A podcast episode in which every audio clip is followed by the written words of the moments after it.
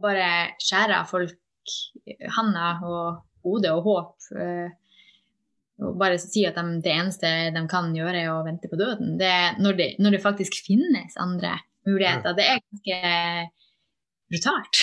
Du hører på Portrettpodden med Mats Lasseangos.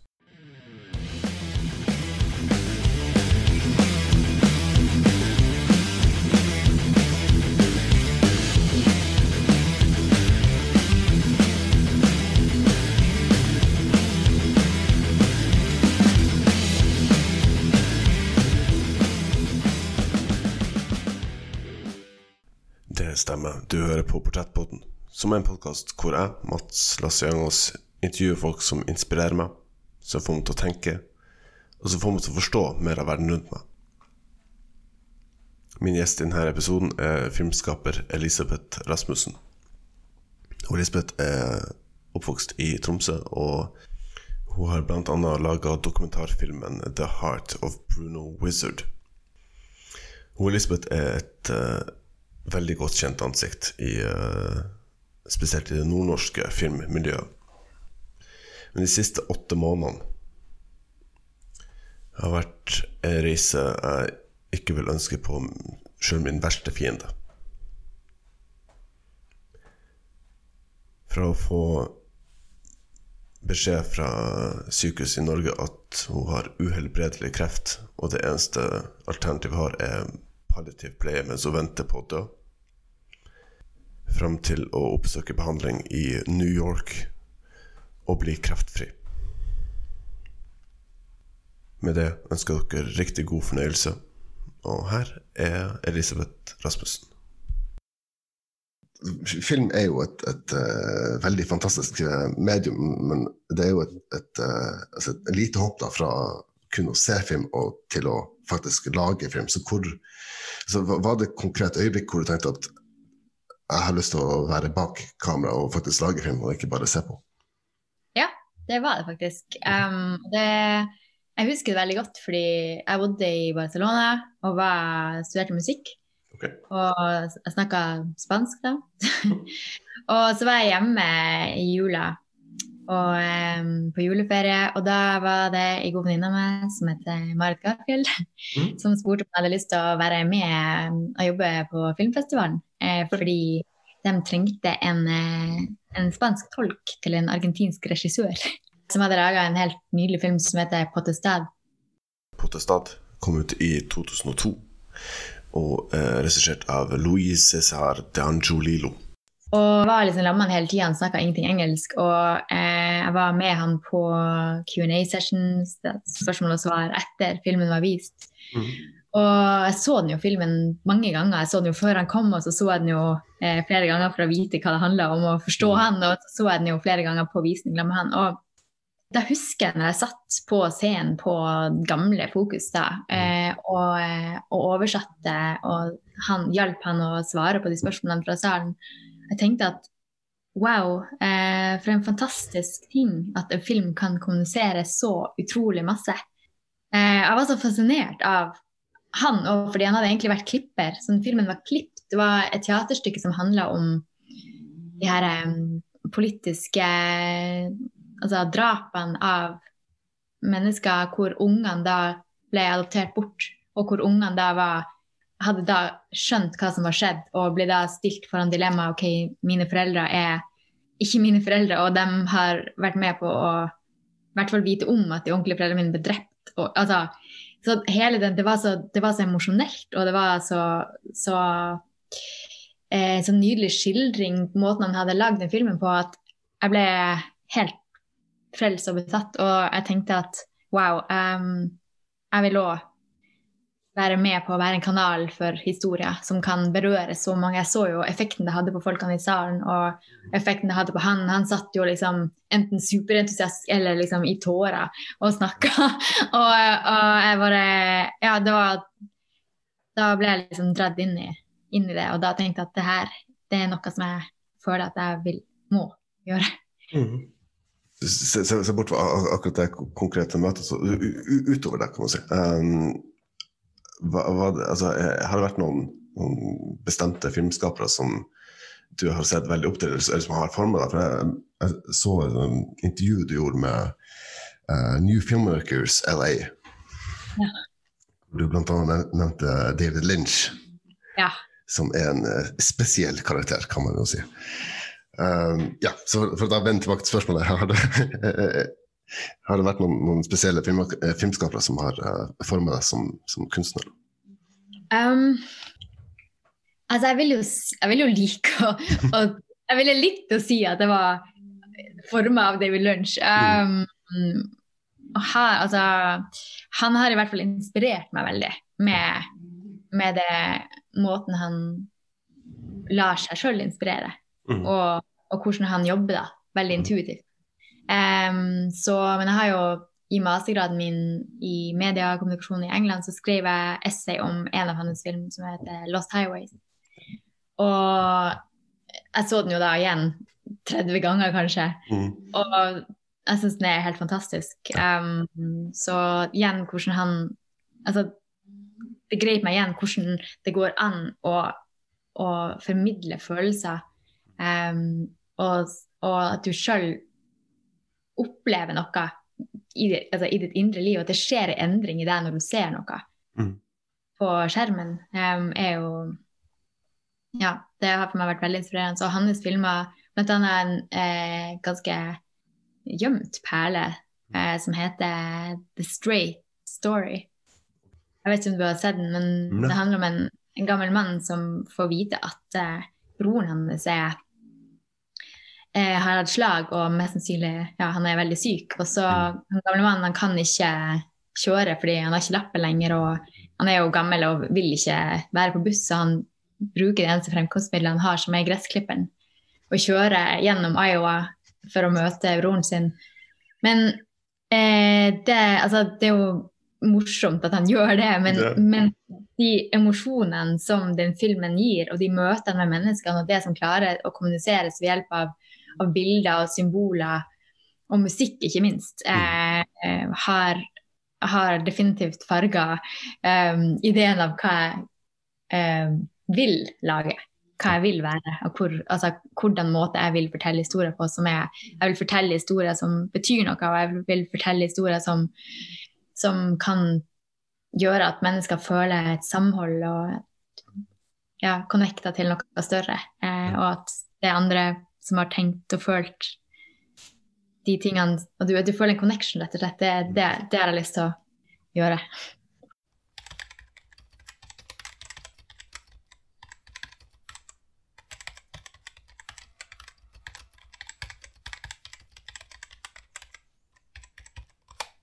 Altså, hvordan, hvordan, type historie eller hvordan type mat materiale er som, er som tiltrekker deg når du, når du, lager dokumentar? Nå har jeg jo, som sant skal sies, eh, bare lagd én ordentlig dokumentarfilm. Ja. Eh, resten har vært TV. Um, mm. Som ikke egentlig har vært nødvendigvis tema, som f.eks. jeg gjorde noen episoder for Kjendisfarmen. Mm. Eh, og det er jo ikke nødvendigvis noe som, som jeg eh, hadde drømt om å formidle. Men eh, nærheten til dyr og connection mellom mennesker kan gi veldig masse søte historier og anekdoter i, i, det. Så for meg så er det, det er viktig å kunne, uansett hvor jeg jobber og hvor jeg er, ta ut det som jeg syns er vakkert. Mm. Og vise det på en måte som kanskje man ikke, man, kanskje man ikke ville lagt merke til det hvis ikke det hadde blitt vist i den settinga mm. eh, med kamera. Um, så og det å, å, få mennesker til å åpne seg, eh, det er jo på en måte det som er mest spennende for meg. Når mennesker åpner seg, og, og du får historier. Det kan du egentlig få hvor som helst du er med et kamera. Liksom. Det er på en måte det som betyr mest for meg, at, at um, det, det gjør en kanal for gode ting. Mm. Da er det jo eh, eh, masse plass å eh, glide smidig over til uh, The Heart of Bruno Wizard. ja. det er jo altså For det første så må jeg jo innrømme at uh, det er jo en, en, person som jeg aldri hadde hørt om før jeg gjorde research til denne episoden. ja, derfor er tagline 'The most famous punk you never heard of'. Mm -hmm. Det, han, han, har jo, han, har jo, levd et liv som kan fylle ganske, ganske mange bøker. Innbiller ja. meg. Ja, absolutt. Uh, hvordan griper du an å, å fortelle uh, hans historie? Um, med han så var det en sånn um, Det var en, mer et fenomen, en energi, som, som skjedde i meg. Jeg var på hjemløsenteret i London og det var jul, og jeg ble bedt om å gå og finne Jeg hørte bare sånn Fine, of Wizard, liksom, fordi jeg skulle spørre om noen kreative workshops um, for en annen um, gjest på senteret. Så allerede da var det sånn her, OK, det er jul, og det var stjerneklart, og det var iskaldt ute, og det var sånn store vinduer, og det satt folk fra alle mulige walks of life og hjørner av verden rundt kring, og jeg gikk rundt og lette etter wizard, liksom. um, og når jeg da, når jeg da man, altså, møtte han og fant han, så det var liksom det første som slo meg, var at øynene hennes var, den var som to knyttnever, liksom, store huler inn i altså under øyenbryna hans. Inni der var det to sånne veldig blå, veldig glitrende sånn eventyraktige øyne. Mm. Og hendene hans var liksom bevegde seg sånne, på sånn måte at jeg jeg ble fascinert av han med en gang. Uh, og når han begynte å snakke, og begynte å, han begynte å synge, og han begynte å fortelle historier om altså hans, Han nevnte alle fra liksom ja, Vivian Westwood og Galliano og New York, og bodde med Didi Ramone på Chelsea Hotel i New York, og bodde med mhm. Boy George. og tenkte ok, det var Enten er han bare helt gæren og driver name-dropper sånn der halv halvberømte halvgamle som er liksom ikke så relevant lenger. Eller, eller så er det her en utrolig interessant mann. Men jeg følte at uansett så For han fortalte meg at han var hjemløs, eh, men han skulle flytte inn i leilighet. Og jeg ville på en måte vise den, den reisen da, fra å ha vært hjemløs til å flytte inn i leilighet. Og jeg hadde også lyst til å vise, fordi etter min erfaring i London så møtte jeg så mange folk som var på gata jeg hadde liksom lyst til å vise, vise det, den sida av folk som har vært hjemløse, at det er ikke bare Altså, det er ikke bare en stereotype. Det er liksom Det er folk som Ja, det kan skje. Um, altså med, med, veldig mange, og veldig mange har veldig mye å, å komme, altså komme, med og fortelle. Um, selv om de har vært hjemløse. Liksom. Mm. At det kan skjule seg. At man, at man, ikke skal gå forbi noen på gata som står hjemløs og bare tenke du er lat, eh, du har rota til livet ditt med drugs. Mm. Men at, at, man faktisk tenker at wow, det kan være en Bruno Wizard der som har liksom, Det var sånn jeg på en måte grep den. Det, jeg følte ikke at jeg hadde noe valg, egentlig. Du vet når du får sånn inspirasjon at du bare Jeg må gjøre det. Jeg må, det, det må jeg gjøre, liksom. Så jeg, ja. Men altså, jeg leste, leste best, når du møtte han, så var det Shit, hvor er kameraet mitt? Jeg må begynne å filme med en gang. Ja, ja. Det, vil du tro at det, det, det, kan umulig ha vært kjedelig å være flu på veggen hos han?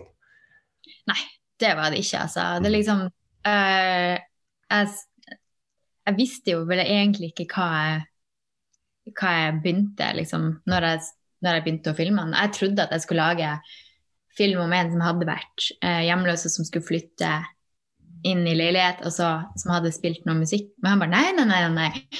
Liksom, jeg, jeg, skal ha konsert på Camden Crawl. Jeg bare å, hæ? Hva er Cam ja, Han bare vet ikke hørt om Camden Crawl. Og liksom fikk jeg sånn eh, lang lekse om at jeg måtte oppdatere meg på pop culture og liksom og, um, og så jeg husker jeg en gang så var jeg, jeg hadde vært og drukket kaffe i um, i, på Brick Lane. Og så fikk jeg plutselig skulle, skulle dra hjem der, og jeg hadde med kameraet fordi Um, jeg hadde tenkt jeg skulle filme sånn, du, du vet det vår og cherry blossoms i London. Og sånn. Og så satt jeg der, jeg skulle faktisk akkurat dra hjem, og så fikk jeg en melding hos han hvor han sier ja, kan du komme på Spittlesfields Market, fordi jeg er med i et moteshow på Alternative Fashion Week. Okay. Og, eh, og, da kom jeg jo dit, og da var, jo, var han jo der i sånn grønn altså balaklava og et veldig kult moteshow som, jeg, som faktisk har, har, endt opp å bli med i. De, de fleste velger de bildene når de skal vise footage fra filmen. da. Så mm. det, var liksom, det bare skjedde, og plutselig en dag så, så skulle vi hjem til han Andy Tsjukowski og Susan Carrington som starta The Roxy. Og når de begynte å dra ut sine arkiver med altså de var jo, de er jo jeg vil si at i, i hvert fall i Europa, i England, så er de gudforeldrene til punk, liksom. Ja.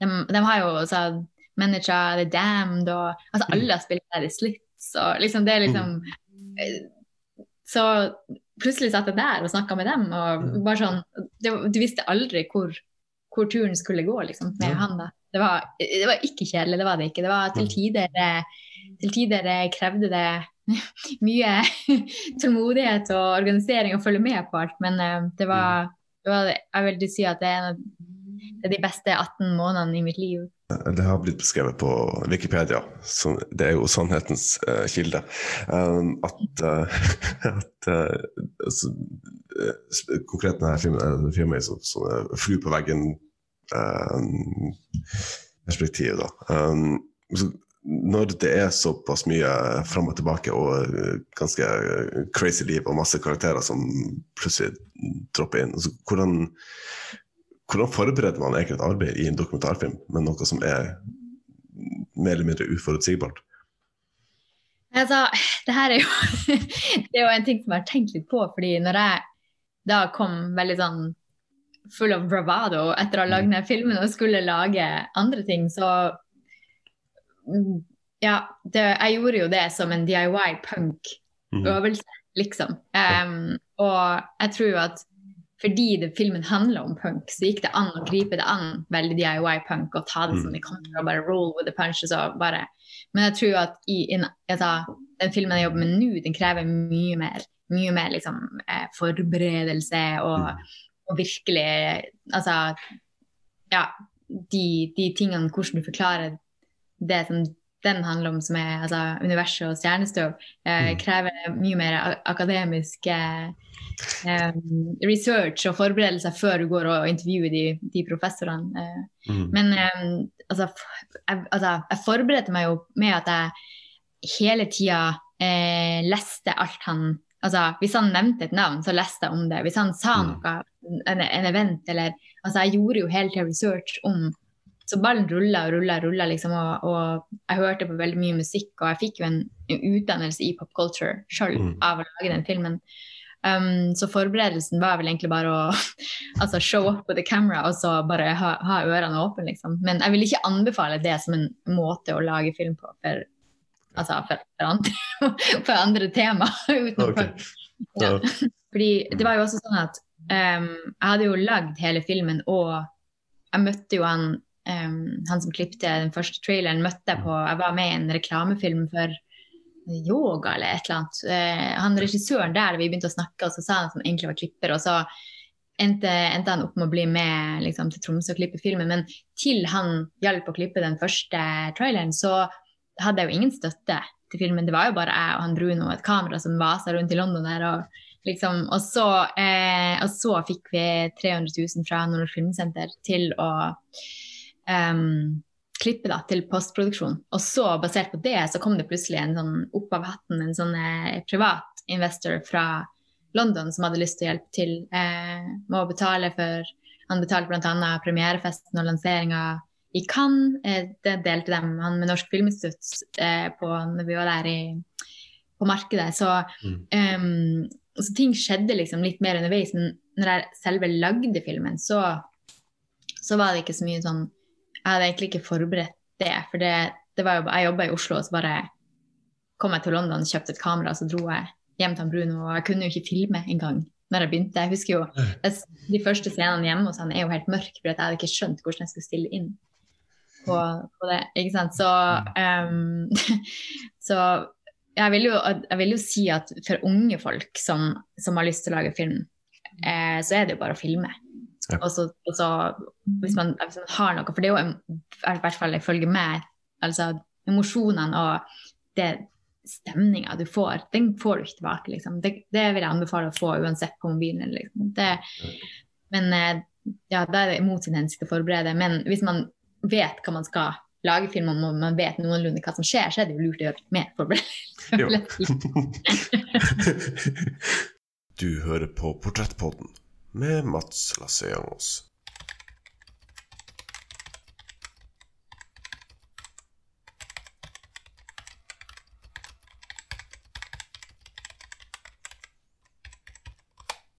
Så det er mulig her er bare veldig naivt uh, spørsmål igjen, men det er greit å bare få det, få det under vei. Um, føler du at det, at det, er to forskjellige verdener når man lager film? For, altså En verden for menn og en for kvinnelige filmskapere, eller er det bare Blir det litt, litt, for naivt syn på det? Er veien like, like bred for kvinnelige filmskapere som for mannlige? Um, altså, nå har jeg jo aldri vært mann. Mm. Dessverre. Så det, det, det, er et godt poeng. så altså Altså Jeg vet ikke. Jeg var jo ganske Det skal jo sies for the record at jeg prøvde veldig mange ganger å få støtte til å lage film tidligere. Og sendte mange søknader og hadde egentlig jeg hadde lagd en kortfilm som del av mastergraden min som Um, som jeg prøvde å få støtte til å lage hele filmen, også om uh, dem som solgte The Big Issue mm. i London. Den lokale ekvivalenten til The Big Issue i Tromsø er selvfølgelig gatemagasinet Virkelig. Uh, men jeg fikk alltid avslag. Uh, det var egentlig derfor at jeg tenkte OK, bare fuck all of you, og så gjorde jeg det sjøl. fra noen. Men da når jeg da hadde den, den traileren og tenkte OK, jeg må jo kanskje prøve å få denne filmen vist, eh, så var det en annen filmskaper fra Nord-Norge som eh, anbefalte meg å da prøve å sende en søknad til, til, eh, til Nord Filmsenter. Eh, og da, eh, da fikk jeg støtte til postproduksjon da. Og etter det så har det egentlig Da vil jeg si at um, når på bakgrunn av den filmen og det som skjedde med altså med liksom ambassadøren som kom i Los Angeles på visning, og Cannes-markedet og NFI som gikk inn med Altså den var en av syv utvalgte fra NFI til å markedsføre til Cannes mm. det året. Og altså de tingene så eh, Da vil jeg si at jeg, følte at veldig mange dører åpna seg, og um, og at jeg var på lik linje med, med menn. Mm. Men om det var vanskeligere å bryte igjennom som kvinne at man må kanskje man måtte bevise noe mer enn mm. de vanlige motpartene i fasen for å komme til det punktet. Kanskje? Jeg vet ikke. Jeg vet ikke, Men jeg tror at for the record, de lydene er hun som bra, i hun. Hun heter Phoenix og er utstøtt til hun Elisabeth som terapihund fra sykehuset i New York, som hun heldigvis etter mye om og men har fått lov å ta med seg hjem til Tromsø. Jeg tror det begynner å bli mye bedre nå. Det virker som at det, det er mer blir mer og mer fokus på at kvinner også skal få sjanser. Og jeg ser veldig mange av mine kvinnelige kollegaer som gjør det bra i bransjen mm. nå. Det her, særlig de her årene som jeg har fulgt med på sidelinja i det siste, så har jeg sett med stor eh, glede at veldig mange av de kvinnelige, også unge kvinnelige kollegaene begynner å gjøre det veldig bra. Så det, det er veldig fint. Og fra Nord-Norge. Så at jeg har trua på den nordnorske kvinnelige filmbransjen. det lover godt. det lover godt. Ja. Det var ingen som så at jeg holdt knyttneven i, i handa mens jeg, mens jeg men, men det gjorde jeg. Ja, men nå vet alle at du holdt knyttneven. ja.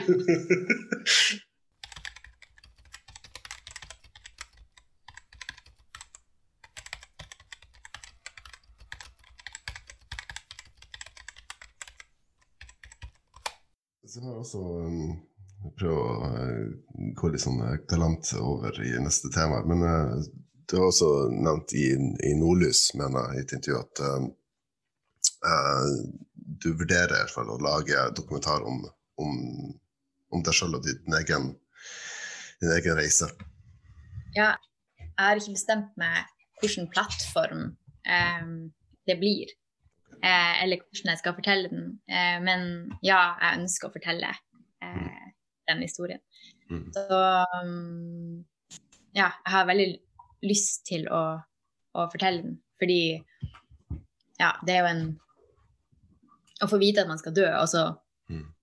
skal man ikke dø likevel. Det er jo, det er jo litt sånn Noen ganger når jeg ser film og, og ser den ut, tenker jeg ah, men men der kunne det ha kommet inn, hvis jeg liksom tenker. Så jeg tror hjernen min har liksom begynt å planlegge på hvordan jeg, hvordan jeg kan grep og fortellerstil og sånt jeg kan bruke. Men jeg har ikke begynt um, Eh, ja, under korona så, så klippet jeg sammen noe som jeg tenkte å sende på den tidskapsel. Men jo mer jeg så på det, jo mer skjønte jeg at det her er en veldig omfattende eh, historie som ikke lar seg fortelle sånn. så, så den, jeg har fortsatt den råklippen som jeg ja, kanskje jeg vil vise til noen av mine kollegaer i, i Nord-Norge. og så mm. gjøre det som et samarbeid. Om det blir liksom en om det blir ei interaktiv kunstutstilling, eller om det blir en dokumentar, eller om jeg rett og slett bare skriver den ned, og så vet Det vet jeg ikke. Liksom, det, det vil forme seg etter hvert. Som Elisabeth sjøl sier, det har vært en omfattende prosess fram til hun igjen kunne stå på flyplassen i Tromsø og var frisk. Hadde hun ikke oppdaga det behandlingstilbudet i New York, så hadde kanskje ikke historien fått den lykkelige slutten som den heldigvis fikk. Nei, det hadde du garantert ikke. De ville jo putte meg på palliativ medisinering, ja. som ville um, som ville innebært uh, Altså for det første, liksom, og minst viktig, da, men at jeg hadde mista alt hår og øyenbryn og, og øyenvipper igjen. Eh, og vært altså, veldig svekka av, av den medisineringa. Eh, og, um, og, så, bare i påvente av døden, da. Eh, fordi det var kun det de hadde å tilby, basert på det de så. Så um, Og de, de, var jo veldig klare på at det var helt umulig å operere. Mens i New York så var de veldig klare på at det var definitivt mulig å operere, og de tok bort all kreften. Um, så, men, men, det er jo Min lege i New York sier at eh, om to år kan vi si eh, mer om altså hva, hvilken effekt behandlinga har hatt. Mm. Og etter jeg er ferdig på de her eh, cellegifttablettene fire måneder, så eh, seks måneder totalt vil de skal gå på dem, så eh, kan man liksom eh, slutte behandling og da på en måte mm. ja, håpe det beste. Men om jeg når jeg er ferdig med dem, aldri mer trenger å gå på medisin og blir helt og er helt frisk resten av livet mitt, OK, det er 50-50 sjanse. Ja. Um, men da kan man iallfall leve lenger på medisin. Mm. Eh, noe som ikke var lå i kortene med den norske, norske bedømmelsen av saken. Så ja. Det her er altså eh, protonbehandling? Eh, det, var, det, var, flere ting. Det var um, Ja. Så når jeg kom Eh, så gjorde de da en evaluering, og så bestemte de seg for at de ville eh, definitivt ta ut. For det var bare én liten eh, svulst som satt i, bak i brystområdet. Da. Og i Norge så hadde de jo, hvis du, jeg vet ikke om du har hørt opptaket som jeg la på den eh, appellvideoen. Ja. Eh, så da sier sier hun ja, så har det jo spredd seg hit. Og liksom, da når hun sa det, så pekte hun liksom lenger ned på her, liksom. Eh, okay. Under ribbeina og sånt. Og, og, så sier han men nei, men det sa de jo i Oslo at det var ikke De trodde kanskje det var noe, men det var ingenting der. At det kun var her. Og så sier hun norske legen ha, ja, da må jeg se mer på de bildene. Men hun så aldri mer på de bildene, og hun, jeg fikk aldri høre liksom noe mer. Og det hun, hun sa til den amerikanske legen, var da at hun trodde det var spredd seg til, eh, som hun sa i, i, mailen, 'the lining of the lungs'. Men det var ikke det. Det lå bare der, liksom. Mm. Så ja, det er jo det, det, det, var liksom to helt forskjellige utfall ja. av, av, en Altså all, likevel alvorlig situasjon. Men, men um, som de i Norge mente at det var ikke noen mulighet at jeg kunne leve lenge uansett. Eh, det var liksom gå hjem og ta en god jul, det er mest sannsynlig den siste. Til eh, nei, nei, men det her kan vi liksom Om ikke du blir kurert, så kan du i hvert fall leve godt i mange år på medisin. Mm. Mm. Altså, fra den Selvfølgelig bare, bare, bare stopp meg hvis jeg, hvis jeg går for langt. altså. Men uh, fra at den, du får den beskjeden uh, fra de norske legene fram til du er i New York, uh, altså, hvor lang var den prosessen? Så, mm, det var egentlig ikke så lang. Jeg fikk den jo 7, 17. desember. Mm. 17. 17. desember. Og så var det vel 18. desember jeg la ut Mm. Eh, fordi jeg hadde, jo, jeg hadde, jo, så mye avtaler. Jeg skulle jo, jeg skulle jo, filme, jeg skulle jo filme i Frankrike og Barcelona, og jeg skulle jo være i London, og jeg skulle dra til, til New York og filme, og jeg hadde noen greier i LA. Og liksom, jeg var på en måte, nå skal jeg, jeg var på vei tilbake for fullt. Og, så jeg tenkte at OK, nå Hvis jeg ikke sier hva som skjer, så blir det veldig mange folk som blir å altså, lure hvorfor jeg bare forsvunnet, eller altså, mm. det, det var sånn jeg, ble, jeg, fikk veldig behov for å bare måtte forklare eh, til alle. Og, og, det var jo veldig mange som hadde lurt på hvorfor jeg hadde trukket meg tilbake de siste årene. Ja, så da, da, skrev jeg liksom den, eh, den lange, eh, det lange innlegget på Facebook hvor jeg fortalte alt. Og um, fra da så var det jo bare sånn Da var det jo rett um, på liksom å få masse forslag og info. Eh, hvor, eh, og så kom jo jula, og mor og bestemora mi var her, og mamma og vi Altså det var liksom To av mine beste venninner kom og pynta jul til dem også. Vi liksom Det høres kanskje rart ut, men vi hadde det veldig koselig. Eh, og vi bare valgte å gjøre de vanlige tingene og gjøre det koselig. Og så du vet, I romjula var det jo ikke så mye som kunne gjøres, men vi fikk allikevel noen mailer fra fra USA og en mm. veldig god venn av meg i Tyskland, faktisk. Um, så han fikk, uh, fikk, kontakt og fikk meg en konsultasjon der. Så 7. januar så satt jeg jo på flyet.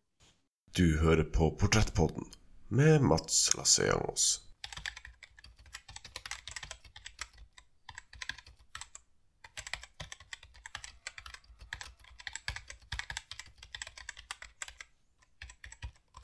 Hvilket utgangspunkt har de amerikanske legene kontra de de norske legene? Um, det har jo Jeg vil si at de er kommet, det som jeg har lært i denne prosessen, er at generelt i Norge er legene veldig flinke på kreft. Mm. Eh, og veldig mange andre sykdommer og situasjoner man kan havne i medisinsk sett. Men akkurat når det kommer til triple negative, så er det visst ganske nytt i Norge. Og det er ikke så mye forskning som er bearbeida. Så derfor har de jo et fortrinn eh, på den institusjonen. Mm. Um, og det andre er jo at, som jeg har funnet ut av, og det, er jo, det jo handler jo om budsjett. Eh, norske helsebudsjettet de har jo ramme på, mm. altså på et, en baby som blir syk. Er norske stat villig til å bruke 1,4 millioner på å ja, gi behandling. Eh, et voksent menneske med en sykdomshistorie, så er jo det beløpet betraktelig mindre. Så jeg gikk mm. over det beløpet. Og da, når du vet når du tikker først en sånn boks da er det veldig vanskelig for én lege å Altså statistisk sett, eh, når det ikke ser ut som det er noe man kan gjøre, og i deres erfaring, så liksom Da var jo på en måte de, Jeg tror de, de, hadde bare ikke de forutsetningene til å se muligheter, eller til å se hva de faktisk kunne tilby meg, annet enn en palliativt. Men i USA, så der prislappen jo lå på jo nå godt over altså tre millioner norske kroner.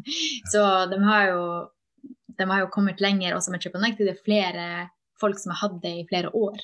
Mm. Og eh, de har forska veldig mye på det. Det er det ene. Det andre er at de har, um, de har muligheten til å gjøre individuell behandling. Mm. Og det er jo f.eks. Um, hvis man tenker på i Norge, så fikk jeg to typer cellegift uh, når jeg ble behandla. Da. da fikk jeg EC og noe som heter Taxol. Og det var ingen som sjekka meg i mellomtida hva de her cellegiftene gjorde med om det var noe Hva var effekten, liksom? Og jeg følte jo at på den der Taxol Jeg følte at EC, da ble det med en gang mye bedre. Men Taxol så følte jeg at det var feil. Det var noe feil. Og jeg følte at det ble mer hovent der som det hadde gjort vondt. Og det var liksom Men det var ingen som Det fikk ikke noe appell for det, liksom.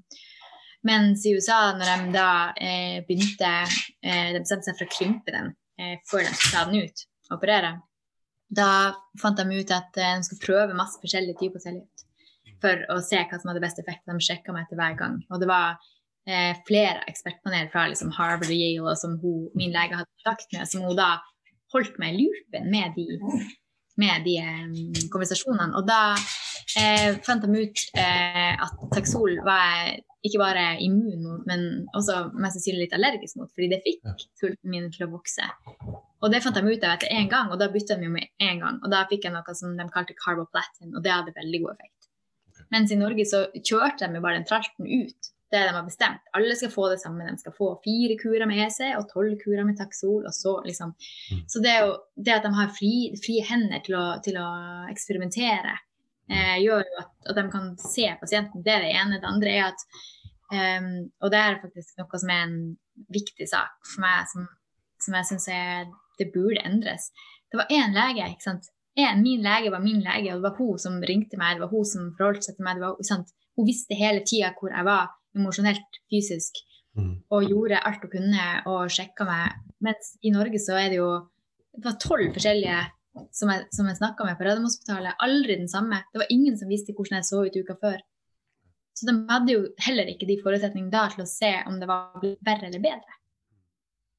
Og eh, når det kommer til operasjon, så eh, det er jo et kapittel helt for seg sjøl. I Norge så opererte de meg på gjennomsnitt. Det vil si at de gjorde et utregning i gjennomsnitt hvordan hud og vev de skulle ta.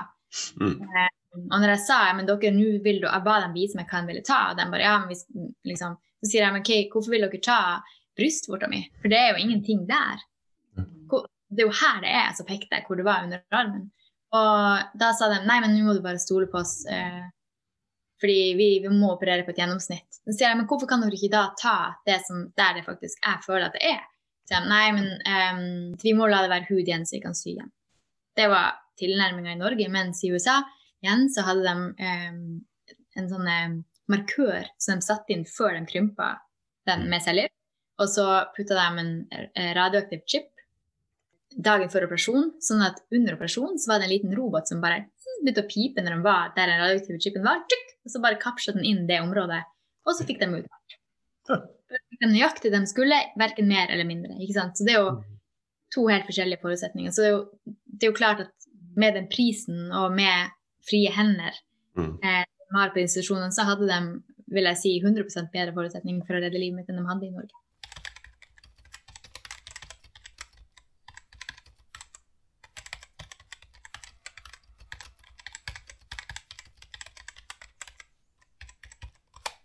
Prislappen var jeg jo prisgitt eh, hjelp.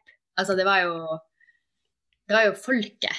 Altså min familie, vennene rundt meg, nettverket, bekjente og fremmede. Eh, særlig i Nord-Norge, som, som eh, ja, spytta inn lite og mye mm. i, i den potten, da. Eh, alle ga det de kunne, og det var jo det som på en måte gjorde at jeg kunne behandles. Men jeg sitter jo fortsatt igjen med regning på over 700 000. Eh, fordi protonsenteret de var så greie, og de mente det var så viktig at jeg fikk gjøre den behandlinga da. Altså, det måtte mm. gjøres da. Eh, rett etter operasjonen. Eh, sånn at det skulle gi meg den største sjansen til å bli kreftfri. Mm. Um, så de begynte behandlinga selv om jeg ikke hadde alt. De, de, eh, betalte vel en tredel, som også igjen ble samla inn av folk og familie. Og, mm. og det har jo vært helt fantastisk oppslutning eh, særlig i Nord-Norge.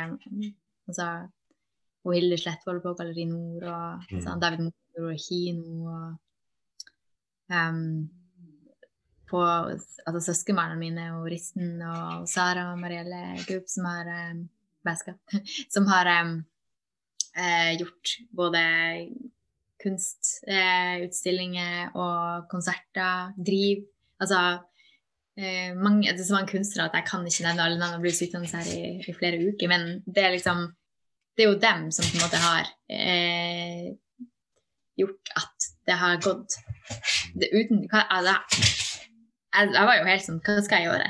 Når, altså, det, var, det, var, jo helt umulig, for jeg hadde jo ikke de pengene. Særlig med tanke på at jeg har vært fikk kreft i 2017 eh, og ikke kunne jobbe normalt siden da så har jeg jo ikke akkurat hadde jeg jo ikke en feit bankkonto heller. Så det var veldig vanskelig økonomisk. Det er jo, så nevnte jo, det er en, en, en, en prislapp i, eh, som, som, henger igjen. Um, altså per, per, i dag, så vidt, så vidt, jeg har forstått, så er ikke den norske stat uh, villig til å betale den. Nei, jeg kom akkurat av nå faktisk et to timer lang uh, møte med Kreftforeninga sine advokater.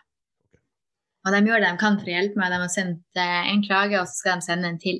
Mm. Men det, det, er så mye paradokser, fordi det han Bjørn Naume, som er i utvalget på, på altså sykehuset, ekspertpanelet, sier at um, dem som skal få protonstråling, de må ha, um, ha vanskelig liggende metastase og uh, ha fått stråling før.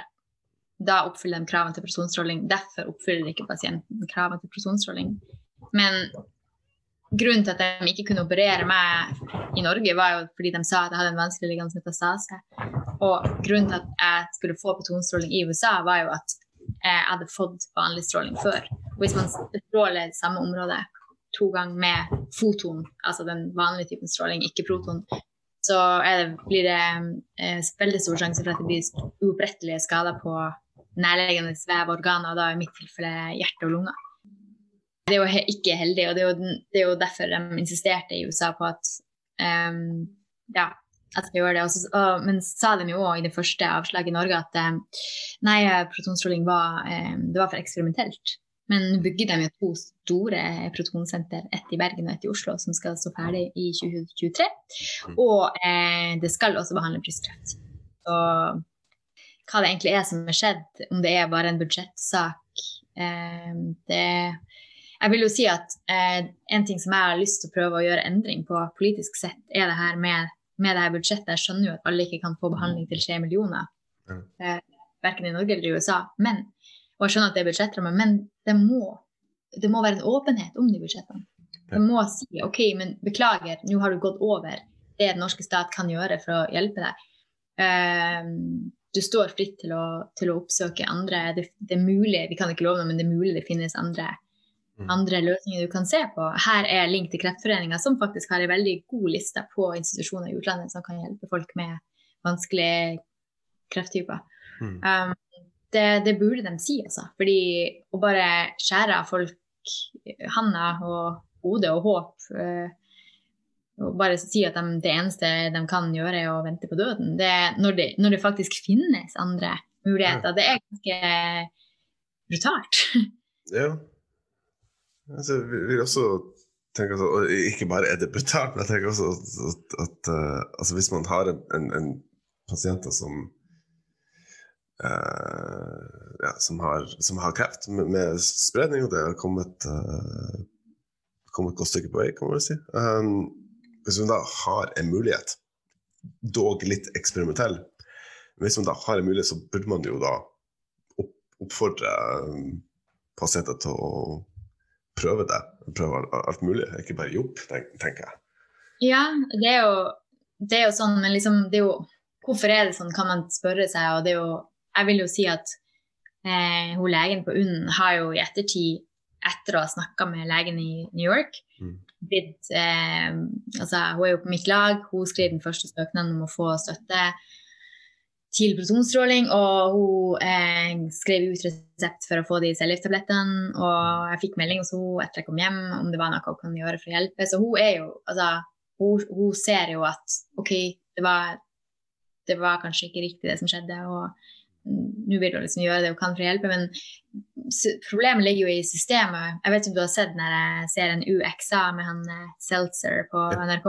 Mm. Ja, altså Så du den Big Pharma eh, med i Kentucky. Ja, altså veldig liksom hvor store farmasøytselskap har eh, bare betalt eh, leger og tannleger og altså, helseindustrien generelt for å skrive ut så mye som mulig opiater, som medisin mm. opiater, for å gjøre folk avhengige. Altså, det var et eksempel med en lita jente som var sånn i skolealder, som hadde vært hos tannlegen. Hun fikk med seg hjem 60 av de tablettene eh, som ble skrevet ut. Eh, og det var, en sånn, det var en skolereunion som det kunne ikke skje fordi alle fra den klassen var enten død eller i fengsel. Som eh, resultat av det her rusmisbruket som altså jeg tenker, hvem har, hvem har, tjent penger på det? Det er Big Pharma, de legene som har skrevet ut. Er det riktig? Er det sånn det skal være? Altså, jo Jeg tenker at nå skjer det veldig mye sånn som Og det har skjedd lenge, men nå virker det som nå trykker jeg, nå viser NRK det, og folk eh, som aldri ville tenkt sånne tanker, begynner å, å, se at OK, er det her et sånt samfunn vi vil ha, hvor penger skal få ødelegge ikke bare et liv, men et helt samfunn? Mm. Grådighet og Altså, det er jo det er så mye sånn som vi her har kanskje vært litt forsont for, fordi, i hvert fall hvis man har vært frisk, at man har mm. liksom, hatt, hatt et veldig bra liv og reist på ferie. Jeg tenker også det jo liksom med de her eh, at jeg drar på ferie til Hellas, det, er liksom, det går ikke an å gjøre det nå uten å tenke på alle flyktningene som ligger eh, i leire og dø i havet der. Og det er jo det er jo store, store spørsmål, men jeg føler at det kreves en enorm eh, holdningsendring blant alle folk, hvor man begynner å se hva konsekvensene av alle valg man gjør i hverdagen. Ja. Um, og hvor man faktisk prøver å skape et samfunn der nummer én er liv og, og helse og lykke, ikke kapital, kapital, kapital. Det er kortsiktig. Ikke, ikke få meg starta med å snakke om oppdrettsanlegg. Men um, f.eks. i uh, Tibet så har de jo De regner jo ikke liksom um, suksess i penger, men i hvor mange mennesker har det bra, hvor mange mennesker er mm. lykkelige. Og det er jo Så man kan jo spørre seg om hva som fungerer. I det er jo et veldig lite land, så få folk. Men, men noe må skje. Vi må endre systemet. Ikke bare når det kommer til kreft, men til naturvern og mat, ikke minst. Ja. Um, fordi det går ikke an å det går ikke an å, å fortsette i den tralten med at penger skal få, få veie tyngre enn liv. Ja. Det herved notert at jeg må invitere deg tilbake en gang og prate om oppdrettsanlegg. Um. ja, med armen. Knyttneven i Viktig å ikke, ikke ha for, for, for, mange fokuser, vi, skal, vi, vi, vi får spare oppdrettsanlegg til, til en, annen, en annen anledning. Um, det er godt mulig at jeg husker sitatet jeg feil, altså, men jeg har lest um, et eller annet sted på internett. Og da må det jo være sant at um, du er da sitat frisk, men ikke friskmeldt. Eh, kreftfri, men ikke friskmeldt. Sånn var det. Mm. Det leder meg da inn i uh, mine siste spørsmål her. Altså, uh, hvor, altså, nå er du tilbake i Tromsø, du har det bra. Du, ja, du, du er her. Uh, punktum. Um, hvor, hvor går da eh, veien videre for eh, Elisabeth Rasmussen i resten av 2020? Eh, Nei, det blir vel lysløypa og kaffekoppen der nede hos mor, det. Nei, um, jeg håper jo å kunne fortsette å jobbe med den dokumentarfilmen som jeg eh, jobba med Jeg begynte å jobbe med før jeg ble syk, da. Eh, mm. Som heter 'Stardust'. Mm. Og det handler om stjernestøv og han Jon Larsen fra Norge som også eh, mot alle odds fant en metode for å finne stjernestøv i verden, som NASA tidligere hadde sagt på som umulig. Mm -hmm. um, så uh, håper at jeg kan jobbe med det og ha, altså, være frisk eh, og i god nok form til at normaliteten kan ta litt over. Mm. Um, men um, jeg planlegger å være så mye som mulig med dem jeg er glad i. Uh, tilbringe Altså sette her og nå og forhold mellom mennesker og dyr foran jobb og karrierejag. Mm. Så det på en måte Fokuset mitt er å, å være her og nå og, og se det gode og være fornøyd. Du har hørt på en episode av Portrettpodden. En podkast med meg, Mats Lasse Jangås. Og min gjest i denne episoden var Elisabeth Rasmussen. Har du gjort deg noen tanker mens du har hørt denne episoden? Har du ris eller ros eller tips du ønsker å komme så kan du rette det til Portrettpodden sine Facebook-sider. Portrettpodden arbeider i henhold til Vær varsom-plakaten. Takk for at nettopp du hørte på, og vi høres snart igjen.